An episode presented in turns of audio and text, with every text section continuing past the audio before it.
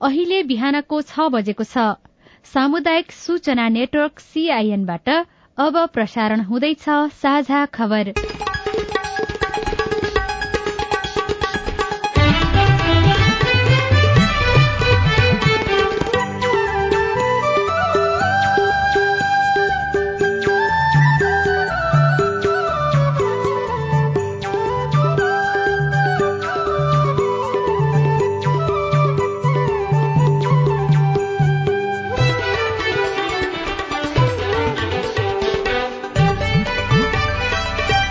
शुभ प्रभात यो सीआईएन को साझा खबर हो। स्नेहा कर्णसँगै लील प्रकाश चन्दको तपाईँलाई स्वागत छ। सामुदायिक रेडियोबाट देशैभरि एकैसाथ प्रसारण भइरहेको साझा खबर सीआईएन खबर डट कम र मोबाइल एप सीआईएनबाट पनि सुन्न सकिन्छ। आज दुई हजार उनासी साल भदौ एक्काइस गते मंगलबार सेप्टेम्बर छ तारीक सन् दुई हजार बाइस नेपाल सम्बद्ध एघार सय बयालिस भाद्र शुक्ल पक्षको दशमी तिथि। नुवाकोटको रेडियो भैरवी आजबाट पाँचौं वर्ष प्रवेश गरेको अवसरमा उत्तरोत्तर प्रगतिको शुभकामना व्यक्त गर्दै साझा खबरमा प्रमुख खबरका शीर्षकहरू। प्रतिनिधि सभाको कार्यकाल थप्ने विधेयकमा निर्वाचन आयोगको असन्तुष्टि प्रावधान खारेज गर्न कांग्रेसको संशोधन दर्ता नागरिकता विधेयक फेरि राष्ट्रपति समक्ष पुग्यो। सिफारिश भएका उम्मेद्वारको बारेमा निर्णय गर्न प्रमुख दलहरू आन्तरिक छलफलमा कांग्रेसका पच्चीस प्रभावशाली नेताको टिकट निश्चित। चौध महिना पुग्न लाग्दा पनि प्रधानमन्त्री र मन्त्रीहरूको सम्पत्ति विवरण सार्वजनिक भएन।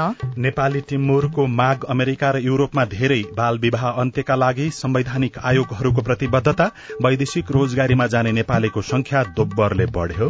चीनको सिचुवान प्रान्तमा भूकम्प जाँदा छयालिस जनाको मृत्यु सोह्र जना बेपत्ता बेलायतको प्रधानमन्त्रीमा ट्रस निर्वाचित। र केन्या विरूद्धको तीन खेलको एक दिवसीय श्रृंखलामाथि नेपालको कब्जा एसिया कप क्रिकेटमा आज भारत अनि श्रीलंका बीच खेल हुने।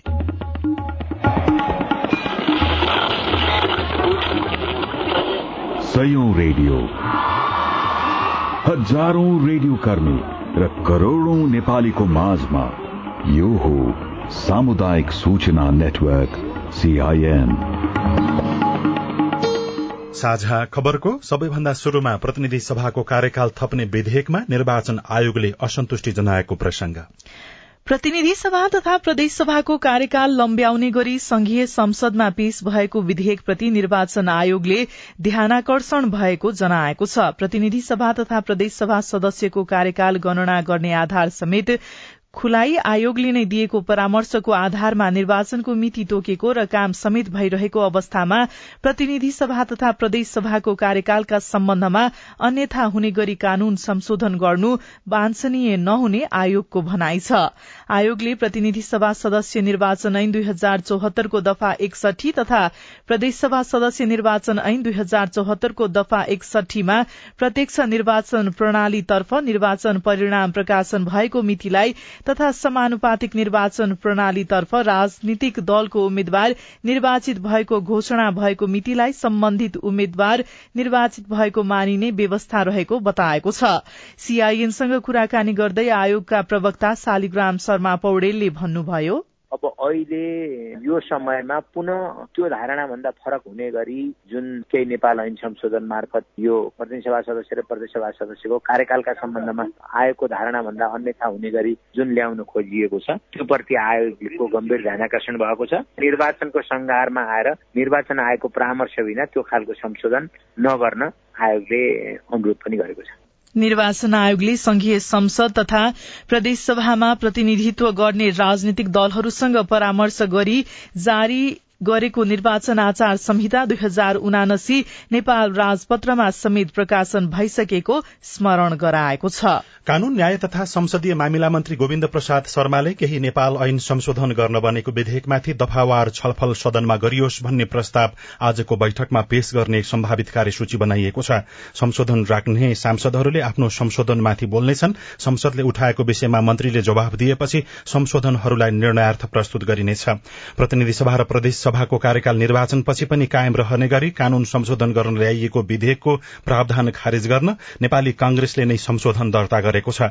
प्रधानमन्त्री शेरबहादुर देउवाले कानून मन्त्री गोविन्द प्रसाद शर्मालाई अस्ति हिजो कार्यकाल लम्ब्याउने प्रावधान फिर्ता लिन निर्देशन दिएपछि सत्तारूढ़ दलका सांसदहरूले संशोधन हालेका हुन्। सरकारले संसदमा दर्ता गरेको केही नेपाल ऐनलाई संशोधन गर्न बनेको विधेयकमा प्रतिनिधि सभा र प्रदेश सभाको कार्यकाल पहिलो बैठक बसेको दिनदेखि गणना हुने र अन्त्य नयाँ निर्वाचन भएपछि चुनिएका सांसदहरूको पहिलो बैठक बसेपछि हुने प्रस्ताव गरिएको छ। यसैबीच विद्यादेवी भण्डारी राष्ट्रपति विद्यादेवी भण्डारीबाट पुनर्विचारका लागि संसदमा फिर्ता भएको नागरिकता विधेयक जस्ताको त्यस्तै पारित गरेर संसदले प्रमाणीकरणका लागि राष्ट्रपति समक्ष दोस्रो पटक पठाएको छ। राष्ट्रिय सभा र प्रतिनिधि सभाबाट जस्ताको त्यस्तै पारित नागरिकता विधेयक सभामुख अग्निप्रसाद सापकोटाले प्रमाणित गरेर प्रमाणीकरणका लागि राष्ट्रपति कार्यालयमा पठाउनु भएको हो। सत्ता गठबन्धनले प्रतिनिधि सभाको प्रत्येक तर्फको एक सय पैंसठी निर्वाचन क्षेत्रको सीट बाँडफाँड लगभग टुंगो लगाएको छ। प्रधानमन्त्री निवास बालुवाटारमा हिजो बसेको कार्यदल सहितको शीर्ष नेताको बैठकले मोटामोटी सीट संख्या बाँडफाँड गरेको हो। तर अझै पनि यसको औपचारिक भागभण्डा र निर्णय हुन बाँकी नै रहेको छ। प्रदेशको समेत टुंगो लगाएर आज मात्रै औपचारिक रूपमा सार्वजनिक गर्ने तयारी नेताहरूले गरेका छन्। हिजोको सहमति अनुसार कांग्रेसले त्रियासी सीट पाउने र बाँकी रहेको सीटमा अरू चार दलको भागबण्डा हुने लगभग निश्चित भएको छ। कार्यदलमा मोटामोटी सीट बाँडफाँडको टुंगो लागेपछि पार्टीहरू आफ्नो दलमा आन्तरिक छलफलमा जुटेका छन्। यसअघि जनकपुर पुगेर माओवादी केन्द्रका अध्यक्ष पुष्पकमल दाहाल प्रचण्डले अबको दुई तीन दिनभित्रै गठबन्धन दलबीच सीट बाँडफाँड टुंगिने बताउनु भएको थियो। सबै दलहरूले उम्मेद्वारको सिफारिशको क्रमलाई अन्तिम चरणमा पुर्याएका छन्। एमाले पनि सतहत्तरवटै जिल्ला कमिटिले आकांक्षीहरूको नाम प्रदेशमा पठाएपछि त्यसबारेमा अध्ययन तथा अनुसन्धान शुरू भएको जनाएको छ। प्रदेशले आजसम्म केन्द्रलाई नामावली पठाइसक्ने तयारी गरेका छन्। एमाले भदौ बाइस गतेभित्र आकांक्षीको नाम पठाइसक्न जिल्ला कमिटिहरूलाई निर्देशन दिएको थियो। माओवादी केन्द्रले भने अधिकांश जिल्लाबाट उम्मेद्वार सिफारिश भएर प्रदेशमा आउने क्रम जारी रहेको जानकारी दिएको छ। सीआईएनसँग कुराकानी गर्दै नेता ओन्सरी घरतीले केही दिनभित्रै सबै निर्वाचन क्षेत्रबाट सिफारिश भएका उम्मेद्वारहरूको नामावली आइसकेपछि त्यसैका आधारमा उम्मेद्वारको छनौट गरिने बताउनुभयो। सातवटा प्रदेशमा हाम्रो उम्मेदवारी सिफारिस कार्य चलिरहेछ। कैयौँ जिल्लाहरूले टुङ्गाएर प्रदेशमा पठाइसके प्रदेशले पनि माथि पठाइरहेछ। कतिपय जिल्लाहरूमा अझै टुङ्गा छैन। त्यो टुङ्गाएर छिटै उम्मेदवारीको सिफारिस केन्द्रमा केन्द्रित गर्छ भनेर केन्द्रले फाइनल गर्ने भन्ने योजनामा छौँ। अहिले सबै त्यसैमा लागिरहेछ हाम्रो पार्टी। यसैबीच आगामी मंगिर चारमा हुने प्रतिनिधि सभा निर्वाचनमा प्रत्यक्षतर्फ नेपाली कांग्रेसका सभापति शेरबहादुर देउवा सहित पच्चीस नेताहरूको टिकट सुनिश्चित भएको छ। तर पार्टीबाट प्रत्यक्षतर्फ टिकट पाउने सुनिश्चित भएका ती पच्चीस नेता मध्ये अधिकांशको जीत भने अनिश्चित देखिएको छ। निर्वाचनमा कांग्रेसबाट प्रत्यक्षतर्फ उम्मेद्वार बन्न चाहेको अवस्थामा प्रधानमन्त्री समेत रहनुभएका सभापति देउवा सहित तेह्र पदाधिकारीको नाम कसैले काट्न सक्दैन। पार्टीको टिकट वितरण गर्ने संसदीय समितिमा सदस्य रहने दुई उपसभापति दुई महामन्त्री र आठ सहमहामन्त्रीले प्रत्यक्षतर्फ उम्मेद्वार बन्न चाहे उनीहरूलाई कसैले रोक्न सक्ने अवस्था कांग्रेसमा नरहेको देखिएको छ। कांग्रेसका सतहत्तरवटै जिल्ला कमिटिले पठाएका नामहरूको अन्तिम टुंगो लगाउन सातवटै प्रदेशमा छलफल भइरहेको कांग्रेस केन्द्रीय कार्यालयका मुख्य सचिव कृष्ण प्रसाद पौडेलले सीआईएनसँग बताउनुभयो। अहिले यहाँ रेकर्ड आउनु बाँकी छ प्रदेश समितिहरूको सबैले आफ्नो बैठक राखिरहेका छन्। सतहत्तरी जिल्लाको सात प्रदेशले पठाउने हो। सबै प्रदेशलाई फोन गर्दा इन जेनरल सबै प्रदेशमा बैठक बसिरहेको छ। सबै प्रदेशबाट हाम्रो सतहत्तरी जिल्ला आउँछ होला। प्रतिनिधि सभा सदस्य निर्वाचन उम्मेद्वारका लागि नेकपा एमाले अध्यक्ष केपी शर्मा ओलीको नाम झापा पाँचबाट सर्वसम्मत सिफारिश भएको छ। चौहत्तर सालको निर्वाचनमा पनि ओली झापा पाँचबाटै निर्वाचित हुनुभएको थियो। वरिष्ठ उपाध्यक्ष ईश्वर पोखरेल उपाध्यक्षहरू सुभाष नेमुवाङ र विष्णु पौडेल महासचिव शंकर पोखरेल र उपमहासचिव प्रदीप गेवाली सचिवहरू टोप बहादुर रायमाझी लेखराज भट्ट रघुवीर महासेट र छविलाल विश्वकर्मा लगायतको नाम सर्वसम्मत रूपमा सिफारिश भइसकेको छ। राप्रपा नेपाल र आयोग बीचको मुद्दा टुङ्गो नलाग्दा मतपत्र छपाईको काममा भने ढिलाइ भएको छ। राष्ट्रिय प्रजातन्त्र पार्टी राप्रपा नेपालको चुनाव चिन्ह बारेको मुद्दा टुङ्गो नलाग्दा आगामी मंगिर चार गते हुने प्रतिनिधि सभा तथा प्रदेश सभा निर्वाचनको मतपत्र छपाईमा ढिलाइ भएको हो। हिजोबाट समानुपातिक तर्फको मतपत्र छाप्ने निर्वाचन आयोगको कार्यतालिका रहेकोमा राप्रपा नेपालको चुनाव चिन्ह बारेको टुङ्गो नलाग्दा ढिलाइ हुने देखिएको निर्वाचन आयोगले जनाएको छ। आयोगले आगामी चुनावका लागि दश हजार आठ सय अठासी मतदान स्थल कायम गरेको छ। स्थानीय चुनावमा दस हजार सात सय छप्पन्न मतदान स्थल रहेका थिए। संवैधानिक आयोगका पदाधिकारीहरूले बाल विवाह अन्त्य गर्ने सम्बन्धी प्रतिबद्धता पत्रमा हस्ताक्षर गरेका छन्। बाल विवाहका कारण बाल बालिकाको सर्वाङ्गीन विकासमा असर परेको र यसको अन्त्य आवश्यक भएको भन्दै उनीहरूले यस्तो प्रतिबद्धता जनाएका हुन्। हिजो सामुदायिक रेडियो प्रसारक संघको राबले ललितपुरमा गरेको कार्यक्रममा राष्ट्रिय महिला आयोगका अध्यक्ष कमला पराजुलीले बाल विवाहका उजुरी नै नआउने भएकाले पनि यसको न्यूनीकरणमा चुनौती देखिएको बताउनु भयो। अस्पतालमा किशोरी आमाहरूको तथ्याङ्क भेटिने तर बाल विवाह गरेको भनेर उजुरीको आँकडा भने कम रहेका कारण पनि बाल विवाह अन्त्य हुन नसकेको उहाँको भनाइ छ। बाल विवाहले चाहिँ एउटा हिंसाको चक्रलाई निरन्तरता दिइरहेको हुन्छ।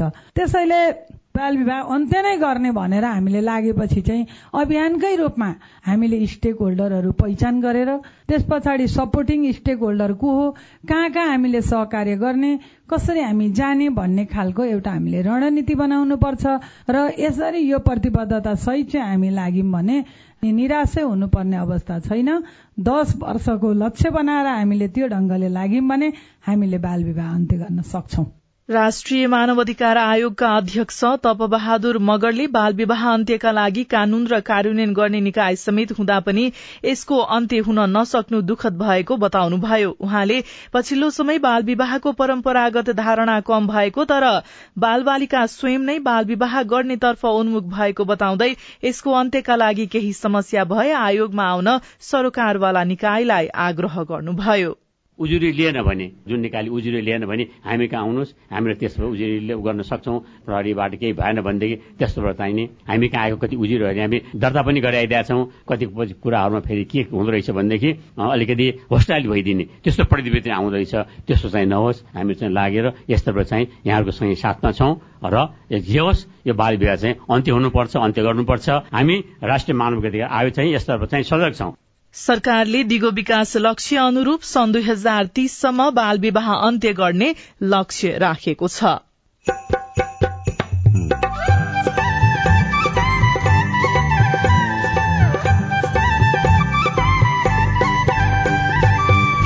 सामुदायिक सूचना नेटवर्क सीआईएन मार्फत देशभरि प्रसारण भइरहेको साझा खबरमा अमेरिका र युरोपमा नेपाली टिमुरको माग बढ़दै तर व्यावसायिक खेतीमा भने समस्या।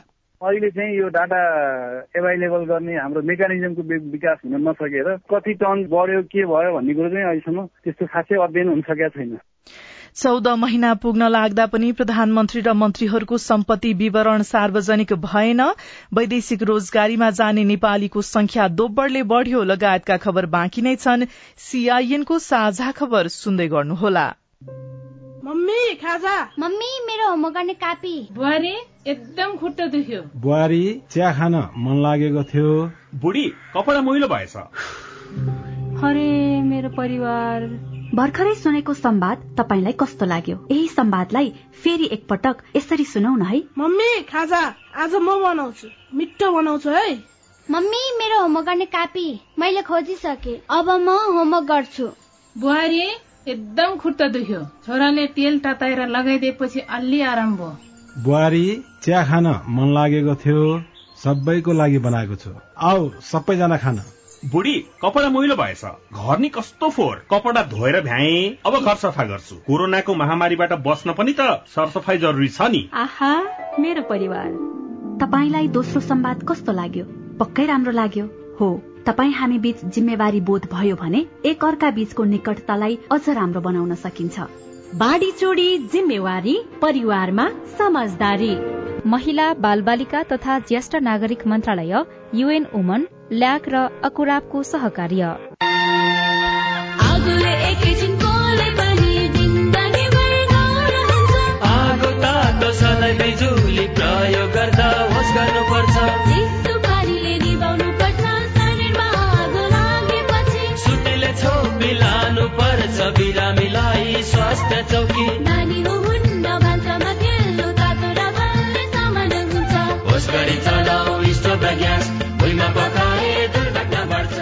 अग्निजन्य दुर्घटना भएमा शून्य एक पचपन्न पचपन्न छ आठ नौमा सम्पर्क गर्नुहोस्। बिबिएस नेपाल ललितपुर। सामाजिक रूपान्तरणका लागि यो हो सामुदायिक सूचना नेटवर्क सीआईएन तपाई अहिले देशभरिका सामुदायिक रेडियो सीआईएन खबर डट कम र मोबाइल एप सीआईएनबाट एकैसाथ साझा खबर सुन्दै हुनुहुन्छ। अब आज काठमाडौँबाट प्रकाशित पत्र पत्रिकाको खबर। कान्तिपुर दैनिकको पहिलो पृष्ठमा दिनमै अठाइस सय वैदेशिक श्रम बजारमा शीर्षकमा होम कार्कीले खबर लेख्नु भएको छ। वैदेशिक रोजगारीमा जाने नेपालीको संख्या साउनबाट झण्डै दोब्बर भएको छ। व्यापार घाटाले संकटमा परेको अर्थतन्त्रलाई उद्धार गर्न वैदेशिक मुद्रा पठाउने यी युवाप्रति राज्यले भने प्रभावकारी नीति बनाउन सकेको छैन। वैदेशिक रोजगार कार्यालय काठमाडौँका अनुसार हाल दैनिक अठाइस सय जनाको श्रम स्वीकृति जारी भइरहेको छ। यो संख्या हालसम्मकै उच्च हो। कार्यालयका अनुसार साउनमा मात्रै त्रिसठी हजार बयालिस जनाले वैदेशिक रोजगारीमा जान अनुमति लिएका छन् जसमा छ हजार दुई सय एकचालिस जना महिला रहेका छन्। नयाँ नोट भदौ उनातिसदेखि शीर्षकमा अर्को खबर लेखिएको छ। दशैंका लागि राष्ट्र ब्याङ्कले भदौ अन्तिम सातादेखि नयाँ नोट सटही सुविधा उपलब्ध गराउने भएको छ। भदौ छब्बीसदेखि बैंक तथा वित्तीय संस्था र उनातिसदेखि सर्वसाधारणलाई नयाँ नोट वितरण गर्ने आन्तरिक तयारी गरिएको मुद्रा व्यवस्थापन विभागका प्रमुख रेवती प्रसाद नेपालले जानकारी दिनुभयो। गत वर्ष जस्तै यस वर्ष पनि प्रति व्यक्ति अठार हजार पाँच सय रूपियाँ बराबर नयाँ नोट सटही सुविधा रहेको छ। यो पाँचदेखि एक सय रूपियाँसम्मको एक एक बण्डल हो। बैंक तथा वित्तीय संस्थालाई भने राष्ट्र ब्याङ्कले दुईदेखि पाँच करोड़ रूपियाँसम्म नयाँ नोट सटही सुविधा दिनेछ। नयाँ पत्रिका दैनिकमा चौतर्फी आलोचना भएपछि मन्त्रीले थुनाएका गुरूङ साधारण तारेखमा रिहा शीर्षकमा टेकराज थामीले लेख्नु भएको छ। चौतर्फी विरोध र आलोचना भएपछि सरकारले पर्यटन मन्त्री जीवनराम श्रेष्ठको निर्देशनमा पक्राउ गरिएका गरूड सेक्युरिटीजका सुरक्षा गार्ड शेरजङ गुरूङलाई साधारण तारेखमा छाडेको छ। गृहमन्त्री बालकृष्ण खानको निर्देशनपछि जिल्ला प्रशासन कार्यालय काठमाडौँले उहाँलाई छोडेको हो। अर्को खबर सरकारले के गर्ने के नगर्ने भन्ने विषयमा गरेको घोषणा प्रतिबद्धता उद्देश्य कार्यनीति र रणनीति सहितको आधिकारिक दस्तावेज हो र सार्वजनिक नीति तर राज्यको शासकीय प्रणाली नै परिवर्तन भइसकेको अवस्थामा सरकार भने झण्डै तीन दशक पुराना जीर्ण नीतिबाट काम चलाइरहेको अर्को खबर छापिएको छ। विवादास्पद दफा संशोधन गर्ने संचार मन्त्रीको प्रतिबद्धता मिडिया काउन्सिल विधेयक बारेको छलफलको विषयको अर्को खबर छ। स्वतन्त्र प्रेसलाई आफ्नो अधीनमा राख्ने गरी संचार मन्त्रालयले संसदमा पेश गरेको मिडिया काउन्सिल विधेयक संशोधन गर्ने प्रतिबद्धता संचार मन्त्री ज्ञानेन्द्र बहादुर कार्कीले जनाउनु भएको छ। गोर्खापत्र दैनिकको पहिलो पृष्ठमा डेंगू परीक्षणमा मनपरी शुल्क शीर्षकमा सरोज ढुंगेलले खबर लेख्नु भएको छ। डेंगीको प्रकोप व्यापक बन्दै जाँदा त्यसको परीक्षण शुल्कको मारमा बिरामी परेका छन्। सरकारी तथा निजी प्रयोगशाला मा दुवैमा डेंगी परीक्षणको शुल्कमा मनोमानी पाइएको छ। सरकारी र निजीमा गरी यस्तो शुल्क पाँच सयदेखि दुई हजार चार सय रूपियाँसम्म रहेको छ। सबैभन्दा सस्तो मानिने सरकारी प्रयोगशालाले पनि बढ़ी शुल्क लिने गरेका छन्। राष्ट्रिय जनस्वास्थ्य प्रयोगशालाले डेंगी परीक्षणको शुल्क आठ सय रूपियाँ लिने गरेको छ। वीर अस्पताल र शहीद शुक्रराज ट्रपिकल तथा सर्वारोग अस्पताल टेकुले पाँच सय रूपियाँ लिने गरेको छ। राष्ट्रिय जनस्वास्थ्य प्रयोगशालाले गुणस्तरका आधारमा बढ़ी शुल्क लिएको दावी गरेको छ। प्रयोगशालाका निर्देशक डाक्टर रूना झाले पहिलेदेखि नै आठ सय रूपियाँ लिने गरेको भन्दै महँगो वा सस्तो भन्दा पनि गुणस्तर हेरिनुपर्ने दावी गर्नुभयो। शेरबहादुर देउबा नेतृत्वको सरकार गठन भएको चौध महिना हुन लाग्दा समेत प्रधानमन्त्री र मन्त्रीहरूको आफ्नो सम्पत्ति विवरण सार्वजनिक भएको छैन। सम्पत्ति विवरण सार्वजनिक नगरेरै देउबा सरकारका नौ मन्त्री विदा भइसकेका छन्। यसैबीच देउबा सरकारका तत्कालीन दुईजना मन्त्री मिनेन्द्र रिजाल र गजेन्द्र हमाल आफैले राजीनामा दिनुभयो भने दुई हजार उनासी असार बाह्र गते मन्त्रीमण्डल फेरबदल हुँदा नेपाल कम्युनिष्ट पार्टी एकीकृत समाजवादी र जनता समाजवादी पार्टी जसपाबाट आठ नयाँ थपिने क्रममा सात मन्त्रीहरू पनि विदा भएका थिए।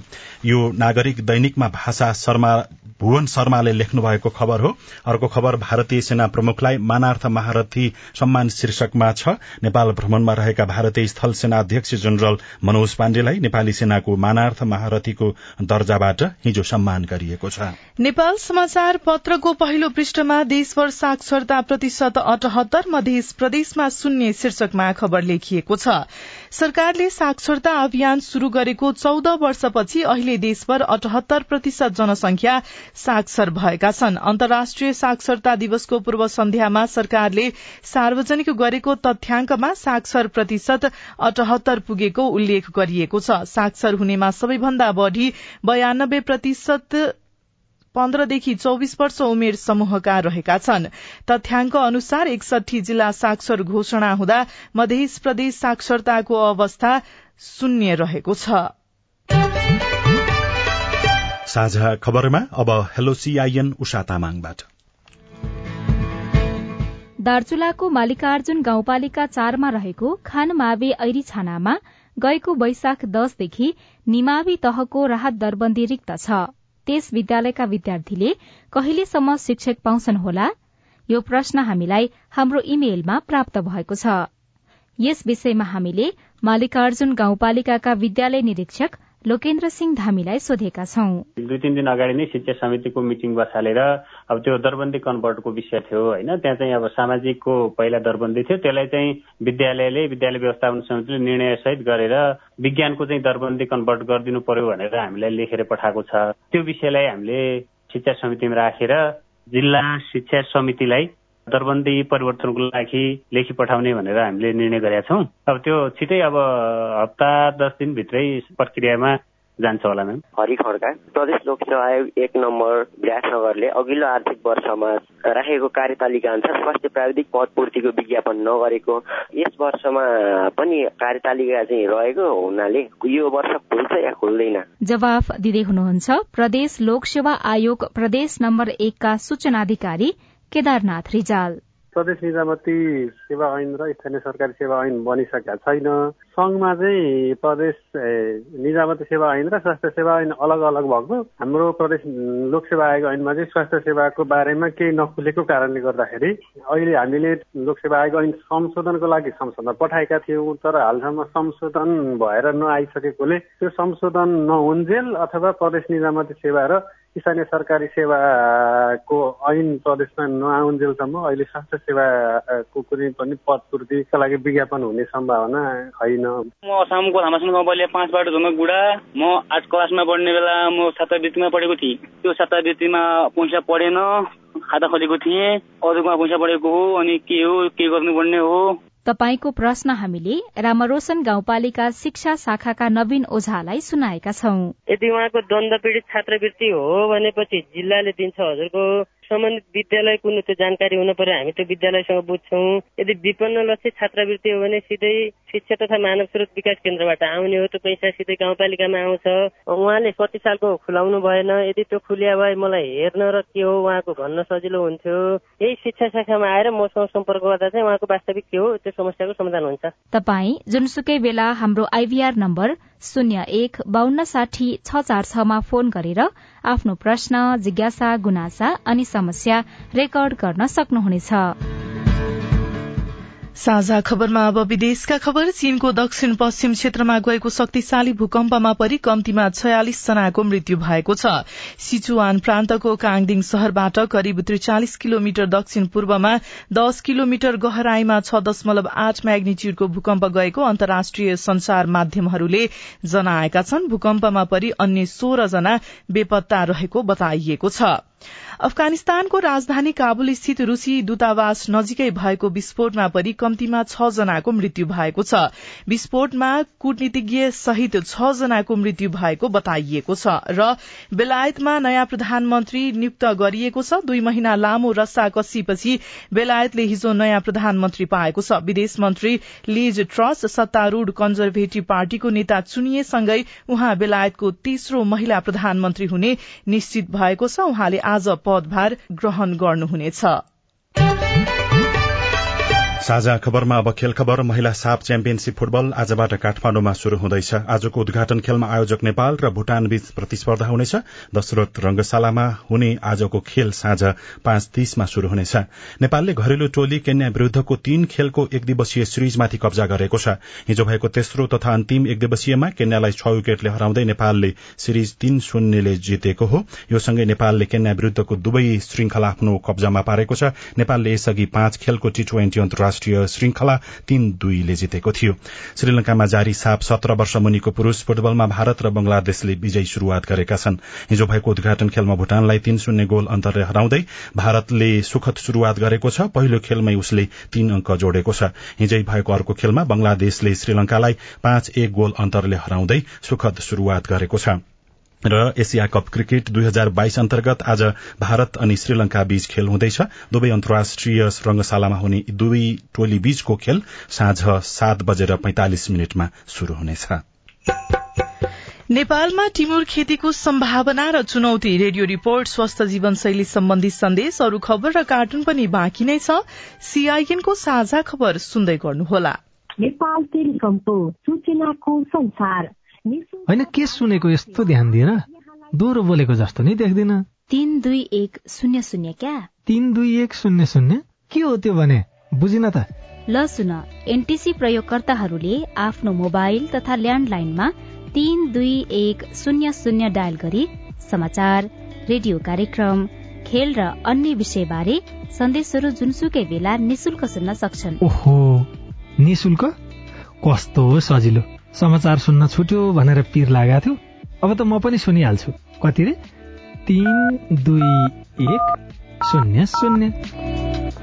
सामाजिक रूपान्तरणका लागि यो हो सामुदायिक सूचना नेटवर्क सीआईएन साझा खबरमा अब नेपालमा टिमुर खेती। मसलाजन्य बालीको रूपमा रहेको टिमुर खेतीको सम्भावना नेपालमा एक हजारदेखि पच्चीस सय मिटरको उचाइसम्म रहेको छ। नेपालका अडतीस जिल्लाको हावापानी टिमुर खेतीको लागि उपयुक्त छ। नेपाली टिमुरको माग विदेशमा उच्च रहेको छ तर वनजंगलमा उत्पादन हुने टिमुर त्यसै खेर गइरहेको छ। नेपालमा रुकुम रोल्पा प्युठान सल्यान अछाम जाजरकोट लगायतका जिल्लाको हावापानी र माटो टिमुरको लागि उपयुक्त छ। तिमुरको उत्पादन राम्रो हुने जिल्लामा पनि यसको व्यावसायिक उत्पादन हुन सकेको छैन। नेपाली टिमुरको अन्तर्राष्ट्रिय बजार बढ़दै गएको थाहा पाएपछि बागलुङ ताराखोलाका पवन ढुङ्गानाले भने टिमुरको खेती थाल्नु भएको छ। देशमा चाहिँ अलिक बढी पैसा पर्नु भएको भएर अनि यता जग्गाहरू पनि बाँझो जग्गा भएको खाली जग्गा धेरै भएको कारणले गर्दाखेरि चाहिँ अरू खेती अलिक सम्भव नभएको कारणले गर्दाखेरि चाहिँ टिमुर खेती गर्छु भनेर लागेको पर्वत स्याङ्जा सोलुखुम्बु भोजपुर धनकुटा डोल्पा मकवानपुर कास्की मनाङ लगायत अडतीसवटा जिल्लाका भेगमा टिमुर खेती गर्न सकिन्छ। अहिलेसम्म वनमा आफै उम्रिएका बोटमा तिमुर फले पनि व्यावसायिकता फस्टाएको छैन। जसले तिमुरलाई व्यवसाय बनाएका छन् उनीहरूले राज्यबाट कुनै प्रोत्साहन पाएका छैनन्। सल्यानको छत्रेश्वरीका उमेश केसी। तिमुर टिप्दाखेरि त्यो कोइचीहरू चाहिन्छ प्रायः मलको व्यवस्था बिरुवाहरू बजारको व्यवस्थापन त्यो तिरपालहरू यस्तो यस्तो चिजहरू चाहिन्छ मेरो मात्रै नभएर पनि अरूका पनि धेरै छन्। हाम्रोभन्दा बढी गर्न सकिन्छ खेती राम्रो गर्न सकिन्छ। डिभिजन वन कार्यालयका अनुसार सल्यानमा मात्रै वार्षिक चार लाख किलो भन्दा बढ़ी तिमुर उत्पादन हुन्छ। कार्यालय प्रमुख रमेश कुमार गिरी कार्यालयसँग बिरुवा वितरण बाहेक अन्य योजना नभएको स्वीकार गर्नुहुन्छ। सरकारसँग देशमा कति टिमुर उत्पादन हुन्छ भन्ने यकिन तथ्याङ्क छैन भने कति किसान टिमुर खेतीमा लागिरहेका छन् एकीकृत जानकारी पनि छैन। वन तथा भू संरक्षण विभागका सहायक वन अधिकृत सुरेन्द्र अधिकारी। पहिला चाहिँ संघीय सरकार छँदाखेरि देशभरिको डाटा वन विभागमा आउँथ्यो। अहिले चाहिँ यो डाटा एभाइलेबल गर्ने हाम्रो मेकानिजमको विकास हुन नसकेर कति टन बढ्यो के भयो भन्ने कुरो चाहिँ अहिलेसम्म त्यस्तो खासै अध्ययन हुन सकेका छैन। तिमुरले रोपेको तीन वर्षपछि फल दिन शुरू गर्छ। हरेक बोटबाट औसत तीन किलोसम्म फल प्राप्त गर्न सकिन्छ। नेपाली बजारमा यसको मूल्य प्रति किलो नौ सय रहेको छ जबकि यही टिमुर अन्तर्राष्ट्रिय बजारमा पुग्दा प्रति किलो चौध सयसम्म पर्न जान्छ। नेपालको टिमुरको माग अमेरिका र युरोपका देशमा छ। भन्सार विभागको तथ्याङ्क अनुसार अमेरिकामा मात्रै गत आर्थिक वर्षमा एक लाख अस्सी हजार किलो नेपाली टिमुर निर्यात भएको छ।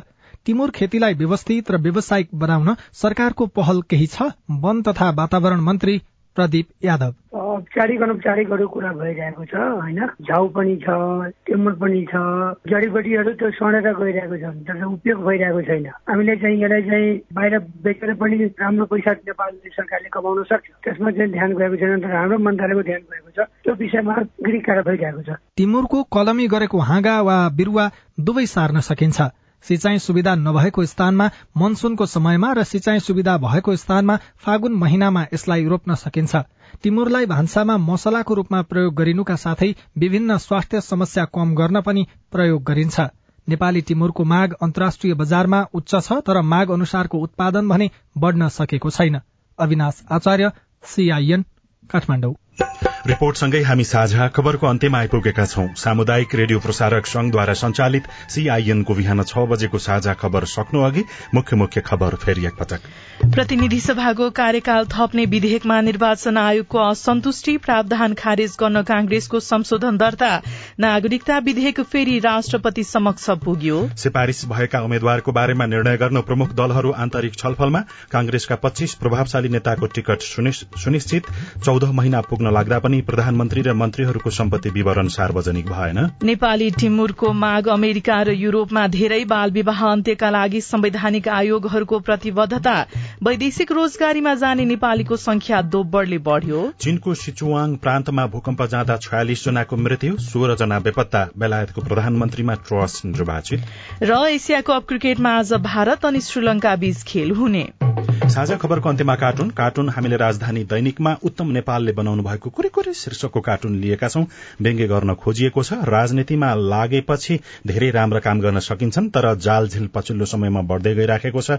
एउटा बन्द कोठा जस्तो छ। दुईजना व्यक्ति छन्। पछाडिपट्टिबाट एकजना महिलाले हेरिराखेका छन्। अगाडिपट्टि बसिराखेका एकजना नेता जस्ता देखिने व्यक्तिले महाभारत पढ्दैछन्। तल चाहिँ यस्तो लेखिएको छ।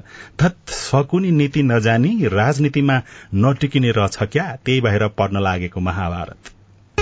अवस्थ प्राविधिक साथी सुनिल राज भारतलाई धन्यवाद। अहिलेलाई लील प्रकाश चन्द्र स्नेहा कर्ण विदा भयो।